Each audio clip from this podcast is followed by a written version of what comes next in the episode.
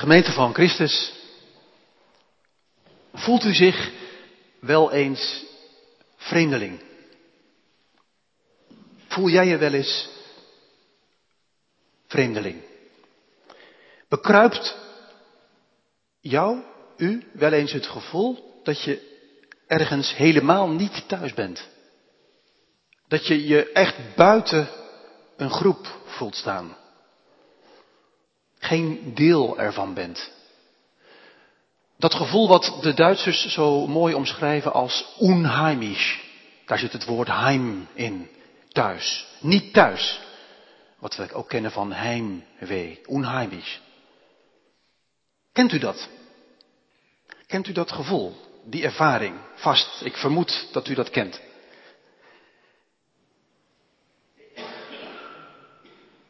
Ik heb met mijn gezin een poos in, in andere in twee landen gewoond, in, in Vlaanderen, wat heel erg op Nederland lijkt, maar juist daarom heel vreemd aanvoelde. En ook een poosje in het Midden-Oosten, waar we gek genoeg veel makkelijker thuis waren. Maar in die tijd heb ik talloze keren me zo vreemd gevoeld als mensen om me heen onbegrijpelijke taal gebruikten, andere omgangsvormen hadden, een andere manier van leven. En we waren ons het er niet non-stop van bewust, maar soms in één keer juist wel, omdat er iets heel vertrouwds binnenkwam.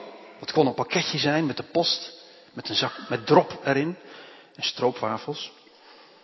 Een Skype-gesprek met mensen thuis in Nederland. Een ontmoeting met een Nederlander opeens, onverwachts, zodat je ineens heerlijk Nederlands kan praten. In één keer voel je dan wat je al die tijd eigenlijk gemist hebt. Om je vreemdeling te voelen hoef je niet per se naar het buitenland te gaan. Ik denk als je aan een nieuwe studie begint of aan een nieuwe baan in een nieuw bedrijf, dat je ook zo'n gevoel kunt krijgen als de bedrijfscultuur op een afdeling je helemaal vreemd is. Dan kan je je heel onwennig voelen. U hebt het misschien ook wel eens meegemaakt, ik wel, dat je teruggaat naar de omgeving of de setting waar je vroeger juist zo thuis was. Bij mij gebeurt het wel eens bij een begrafenis of zo. Dan ben ik ineens terug in de wereld, de godsdienstige wereld ook, waar ik vroeger in ben opgegroeid. En dan voel ik me daar toch vreemd? Juist daar waar ik zo thuis was, merk ik dan, die jas past mij niet meer. Die taal begrijp ik niet meer. Ik ben ervan weggegroeid. Ik kan het niet meer meemaken. Als Petrus een brief schrijft aan christenen, verspreid over heel veel verschillende vreemde streken, en hij probeert ze duidelijk te maken wat hun identiteit is, dan is het eerste woord wat hij gebruikt het woord vreemde. Ze leefden in Canaan en waren daar niet per se thuis. Je komt de vreemdelingen ook tegen in de periode dat Israël wegtrekt uit Egypte. Dan reizen er allerlei vreemdelingen mee in hun kielzog en zij gaan ook later in Canaan wonen. En daar blijven ze vreemdeling. Gasten. Ze worden goed behandeld, ze mogen de feesten meedoen, ze hebben hun rechten, maar ze blijven gezien worden als vreemdelingen. En natuurlijk is er die periode van de ballingschap. Dat het hele volk Israël collectief werd gedeporteerd naar Babel. En ze daar in den vreemde zichzelf volledig opnieuw moesten uitvinden en staande moesten houden. Die verhalen in de Bijbel die over vreemdelingen gaan, laten zien dat dat best kwetsbaar is. Je kunt als vreemdeling zeer succesvol zijn. Jozef werd onderkoning. Esther. Daniel. Ze hadden hoge posities in, op vreemd terrein. Maar die posities kunnen je ook zomaar weer worden afgenomen, omdat je tenslotte vreemdeling bent in een groepscultuur. En dus niet per se een zware clan om je heen hebt die jouw positie beschermt. En dat speelt volop in de tijd van de lezers van de eerste Petrusbrief. Er is in die tijd nog geen christenvervolging, maar wel al intimidatie. Men irriteert zich aan die volgelingen van Jezus. Doe eens even normaal, joh. Doe niet zo ingewikkeld. Mensen worden bespot, bedreigd, een beetje aan de, naar de rand gedrukt. En dan zegt Petrus dit. Als jij, als het u menens is om de weg van Jezus te gaan, bij de weg te horen, mensen van de weg te zijn, dan zul je vreemdeling zijn. Omdat je geroepen bent tegendraads te leven. Je past nooit naadloos in het plaatje. Omdat je geloof geen privézaak is. En je in je gedrag nu niet in alles zomaar makkelijk mee kunt met de massa. Je geloof heeft alles te maken met de keuzes die je maakt. Hoe je met mensen omgaat. Welke woorden je spreekt. Hoe je je geld uitgeeft. Het is ongemakkelijk, laten we maar eerlijk zijn. Het is ongemakkelijk om vreemdeling te zijn. En er zijn manieren om er iets aan te doen. U weet dat net zo goed als ik. Ik kon er in mijn studeerkamer van de week drie bedenken. Drie bedenken en kiest u maar even uit welke u het meeste past. Er is de strategie van overwinnen. Het ongemak overwinnen door anderen om jou heen aan jou zich te laten aanpassen. Door zeer actief te gaan evangeliseren, campagnes of grootschaliger, kruistochten. Met, verbale, met verbaal geweld, met, desnoods met fysiek geweld. Of macht en invloed te verwerven, zodat je anderen, bijvoorbeeld je werknemers op je bedrijf of je kinderen, jouw identiteit oplegt. En het min of meer afdwingt. Die tijd was vroeger. Er waren hele tijden dat het christendom die macht had. Het christendom werd staatsgodsdienst. En hele periodes had de kerk, ook in het Westen, veel invloed, veel macht. En kon het ongemak dus worden opgeheven door het hele land te kerstenen, christelijk te maken. Die tijd is wel een beetje voorbij. Tenminste in Nederland. Zoveel invloed heeft het christendom niet meer. En ik moet zeggen, die combinatie van geloof en dwang is ook best een tricky combinatie, waar veel verkeerd is gegaan. Manipulatie ligt dan op de loer. Overwinnen, dat is één strategie. Hoe kun je het ongemak van anders zijn, vreemdeling zijn, nog meer um, verminderen, ontwijken? Nou, er is ook de strategie van de afzondering. Radicale afzondering. Je terugtrekken. Je terugtrekken uit de samenleving waar je toch eigenlijk nooit echt bij hoort. En een, een eigen mini-samenleving uh, creëren van gelijkgestemden. Een mini-zuil. Ons soort mensen. Een bubbel. Nou, daar leven wij in op de Veluwe, toch? Als u gisteren op tv de aflevering hebt gezien van Toen was geloof nog heel gewoon, die ging toevallig over de Bijbelbelt, over Elspeth specifiek. Streng reformatorische mensen hebben voor die strategie gekozen. Een eigen politieke partij, eigen scholen, eigen kerken, eigen dagblad, een eigen, nou, noem het maar op. En die eigen kring wil je dan vooral zuiver houden. Zuiver en clean. Dus de cameraploegen van de EO hadden de grootste moeite om in die zuil te filmen. Dat wordt al niet op prijs gesteld. Je komt ze vaker tegen, de mensen die zich afzonderen. In uh, Amerika heb je de, de Amish of de Amish, je kent ze wel van de films, de mensen die nog steeds in, in vroeger tijd leven met hun zwarte kleren en hun niet gebruiken van elektriciteit en auto's en noem het maar op. Ik ben eerlijk gezegd een beetje zo opgevoed. Als een streng reformatorisch jongetje hoor ik het mijn vader nog zeggen van die zinnen die echt veel verraden. Laten wij onze tentpinnen hier maar niet te vast inslaan, jongen.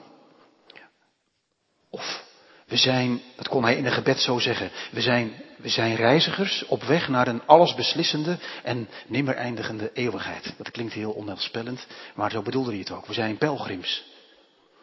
En er hoorde ook een lied bij, hoofd omhoog, het hart naar boven, hier beneden is het niet. Er zijn dus twee manieren om, je, om dat ongemak te overwinnen. De, de overwinnen, de strategie van de overwinning en de strategie van het je afzonderen. In de Bijbel kom je ze ook tegen, de pelgrims. Dat waren dan de regabieten. In het Oude Testament, regabieten die, eh, die ervoor kozen om geen huis te hebben en geen akkers, maar alleen tenten en alleen wat vee. Het waren nomaden en ze dronken ook geen wijn. De regabieten zijn eigenlijk de strenge reformatorischen in de Bijbel. Die, zeg maar, eh, nou ja, dat is een beetje het korte bocht, die, die zin slik ik in. Maar de regabieten zijn de pelgrims in het Oude Testament die, die zeg maar radicaal kiezen voor niet, niet te veel bezit, niet te veel binden, vooral op reis blijven. Een beetje zoals Abraham dat deed. En dan is er nog de derde, en die is de aanpak van de aanpassing. Ik vermoed dat, u, dat die u en ook mij niet vreemd is. Dat je het ongemak van vreemd zijn een beetje uit de weg gaat, op subtiele manieren. Door de scherpe en ongemakkelijke kantjes wat eraf te halen. Beetje water bij de wijn. Je wilt niet moeilijk doen, moet ook wel een beetje redelijk blijven. Je wilt het feestje niet verpesten. En je bent geneigd om zo een beetje met alle stromingen mee te waaien en iedereen te vriend te houden. Je te voegen naar de mensen om je heen. Mee te gaan met de, met de stroom. Je weet eigenlijk dat het wel anders zou kunnen en moeten en steviger zou kunnen zijn. Dat christen zijn van jou. Maar ja, je wilt daar je energie niet in steken. En vroeg of laat ben je een chameleon die voortdurend van kleur verschiet, aan het pleasen is en het schipperen en uiteindelijk een nietzeggend iemand wordt zonder ziel. Overwinnen, afzonderen, aanpassen. Wat is uw favoriet? Wat is jouw manier van leven? Om het ongemak een beetje te vermijden. Victor Frankl was een Joodse psychiater. Hij zat um, in een concentratiekamp en heeft het overleefd. En heeft goed om zich heen gekeken. En heeft om zich heen gezien hoe mensen in het concentratiekamp onder die immense druk zichtbaar maken wie ze zijn.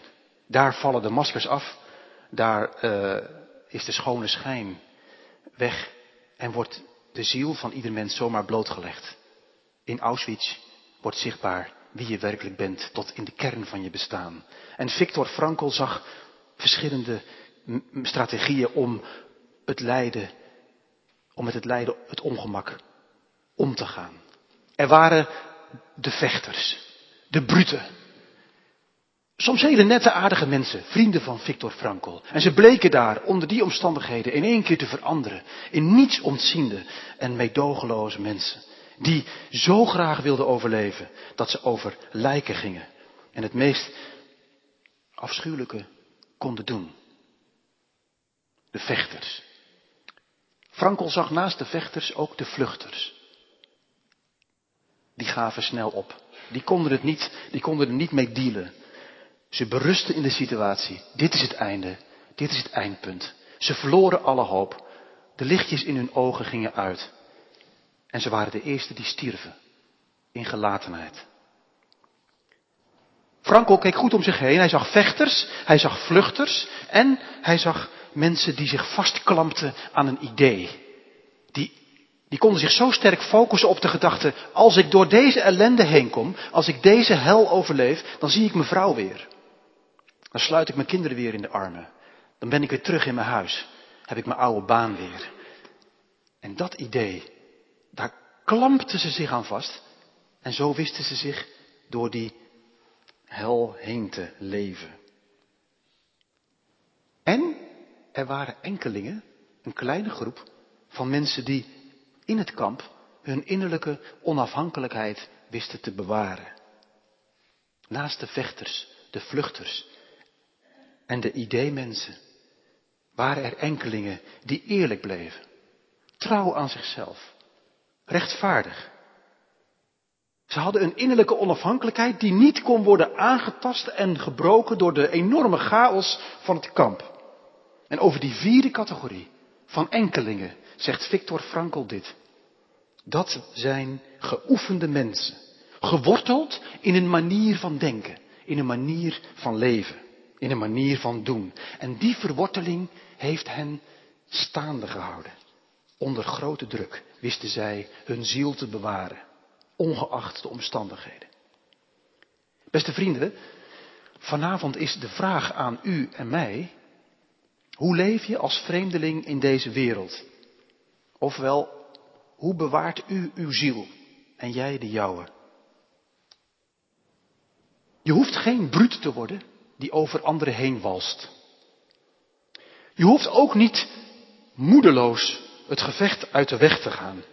En je hoeft je ook niet krampachtig en verbeten aan een idee vast te klampen. Petrus geeft een andere weg. Die lijkt op die vierde weg van Frankel. Er is een zekerheid buiten jezelf, in het hart van God. Dat is wat doorklinkt in die eerste zinnen van de brief. Hij zegt, jullie zijn vreemdelingen, maar door God de Vader voorbestemd, om geheiligd door de Geest, gehoorzaam te zijn aan Jezus Christus en met zijn bloed besprenkeld te worden.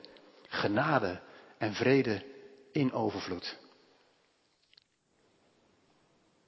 Vreemdelingen zijn jullie. En je identiteit ligt buiten jezelf. In de keuze die God voor jullie gemaakt heeft. Om niet tegen je te zijn, te zijn maar voor je. Een keuze die Hij in Christus Jezus met bloed heeft bezegeld. En die Hij door zijn geest tot diep in onze ziel wil stempelen. Je bent van mij. En ja, ik ben van jou en voor jou. We doen er vaak een leven lang over om ons dat eigen te maken. Dat ik mijn identiteit niet hoef te ontlenen aan de anderen. Ook niet hoef te vestigen met veel geweld en veel drift en veel ambitie. Maar dat ik hem mag vinden in de drie enige God. Die mij omarmt en u en jou. Zulke geoefende mensen die geworteld waren, kwam Victor Frankl tegen in, zijn, in het kamp waar hij moest verblijven. En ze zijn er in alle tijden geweest. Er is een brief bewaard, uniek, uit de tweede eeuw. De brief aan Diognetus. En daarin schrijft iemand aan iemand, aan Diognetus dus, over hoe hij christenen waarneemt. En dan ziet hij ze. Gewortelde, geoefende mensen. En hij beschrijft ze op een prachtige manier. U kent het fragment. Wellicht. Ik zal u een paar regels eruit lezen. Hij zegt dit. De christenen onderscheiden zich niet van andere mensen door taal, vaderland of kleding. Ze wonen immers nergens in eigen steden, gebruiken geen afwijkend dialect en leven geen uitzonderlijk leven.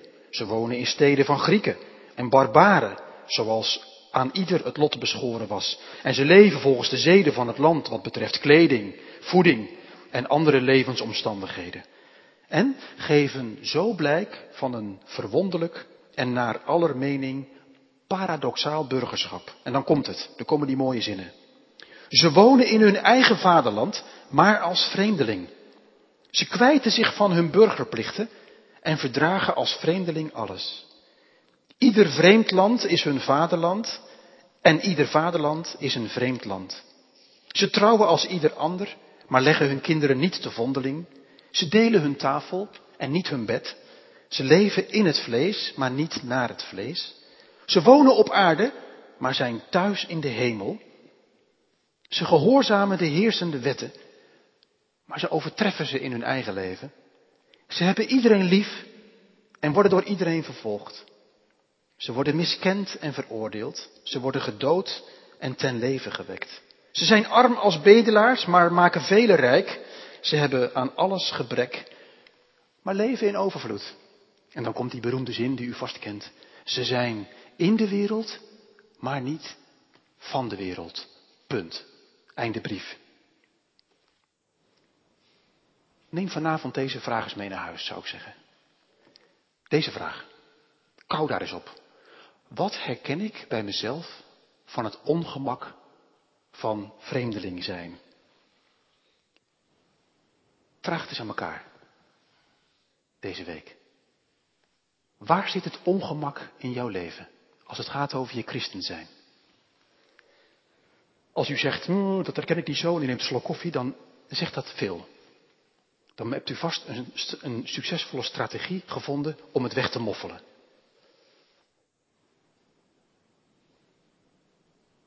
Als u het ongemak herkent, hoe gaat u er dan mee om? Druk zetten op anderen? Je terugtrekken en een eigen kringetje opzoeken? Beetje schipperen? Heel menselijk. Ik herken het bij mezelf, alle drie. U vast ook. Maar de vraag is natuurlijk deze. Ben jij, ben ik, voldoende geworteld en gegrond in het nieuwe leven? Zou u in zo'n kamp tot die enkelingen behoren die uw innerlijke onafhankelijkheid wist te bewaren? Omdat u dan ook daar of op de ziekenkamer met iets ernstigs onder de leden weet, maar mijn identiteit ligt niet in mijn gezondheid, niet in mijn succes in mijn werk, niet in mijn florisante sociale leven op social media. Mijn rustpunt ligt buiten mijzelf, diep verankerd in God. Bepalend voor mijn leven van elke dag is niet het aantal likes op Facebook, maar hoe God naar mij kijkt. Amen.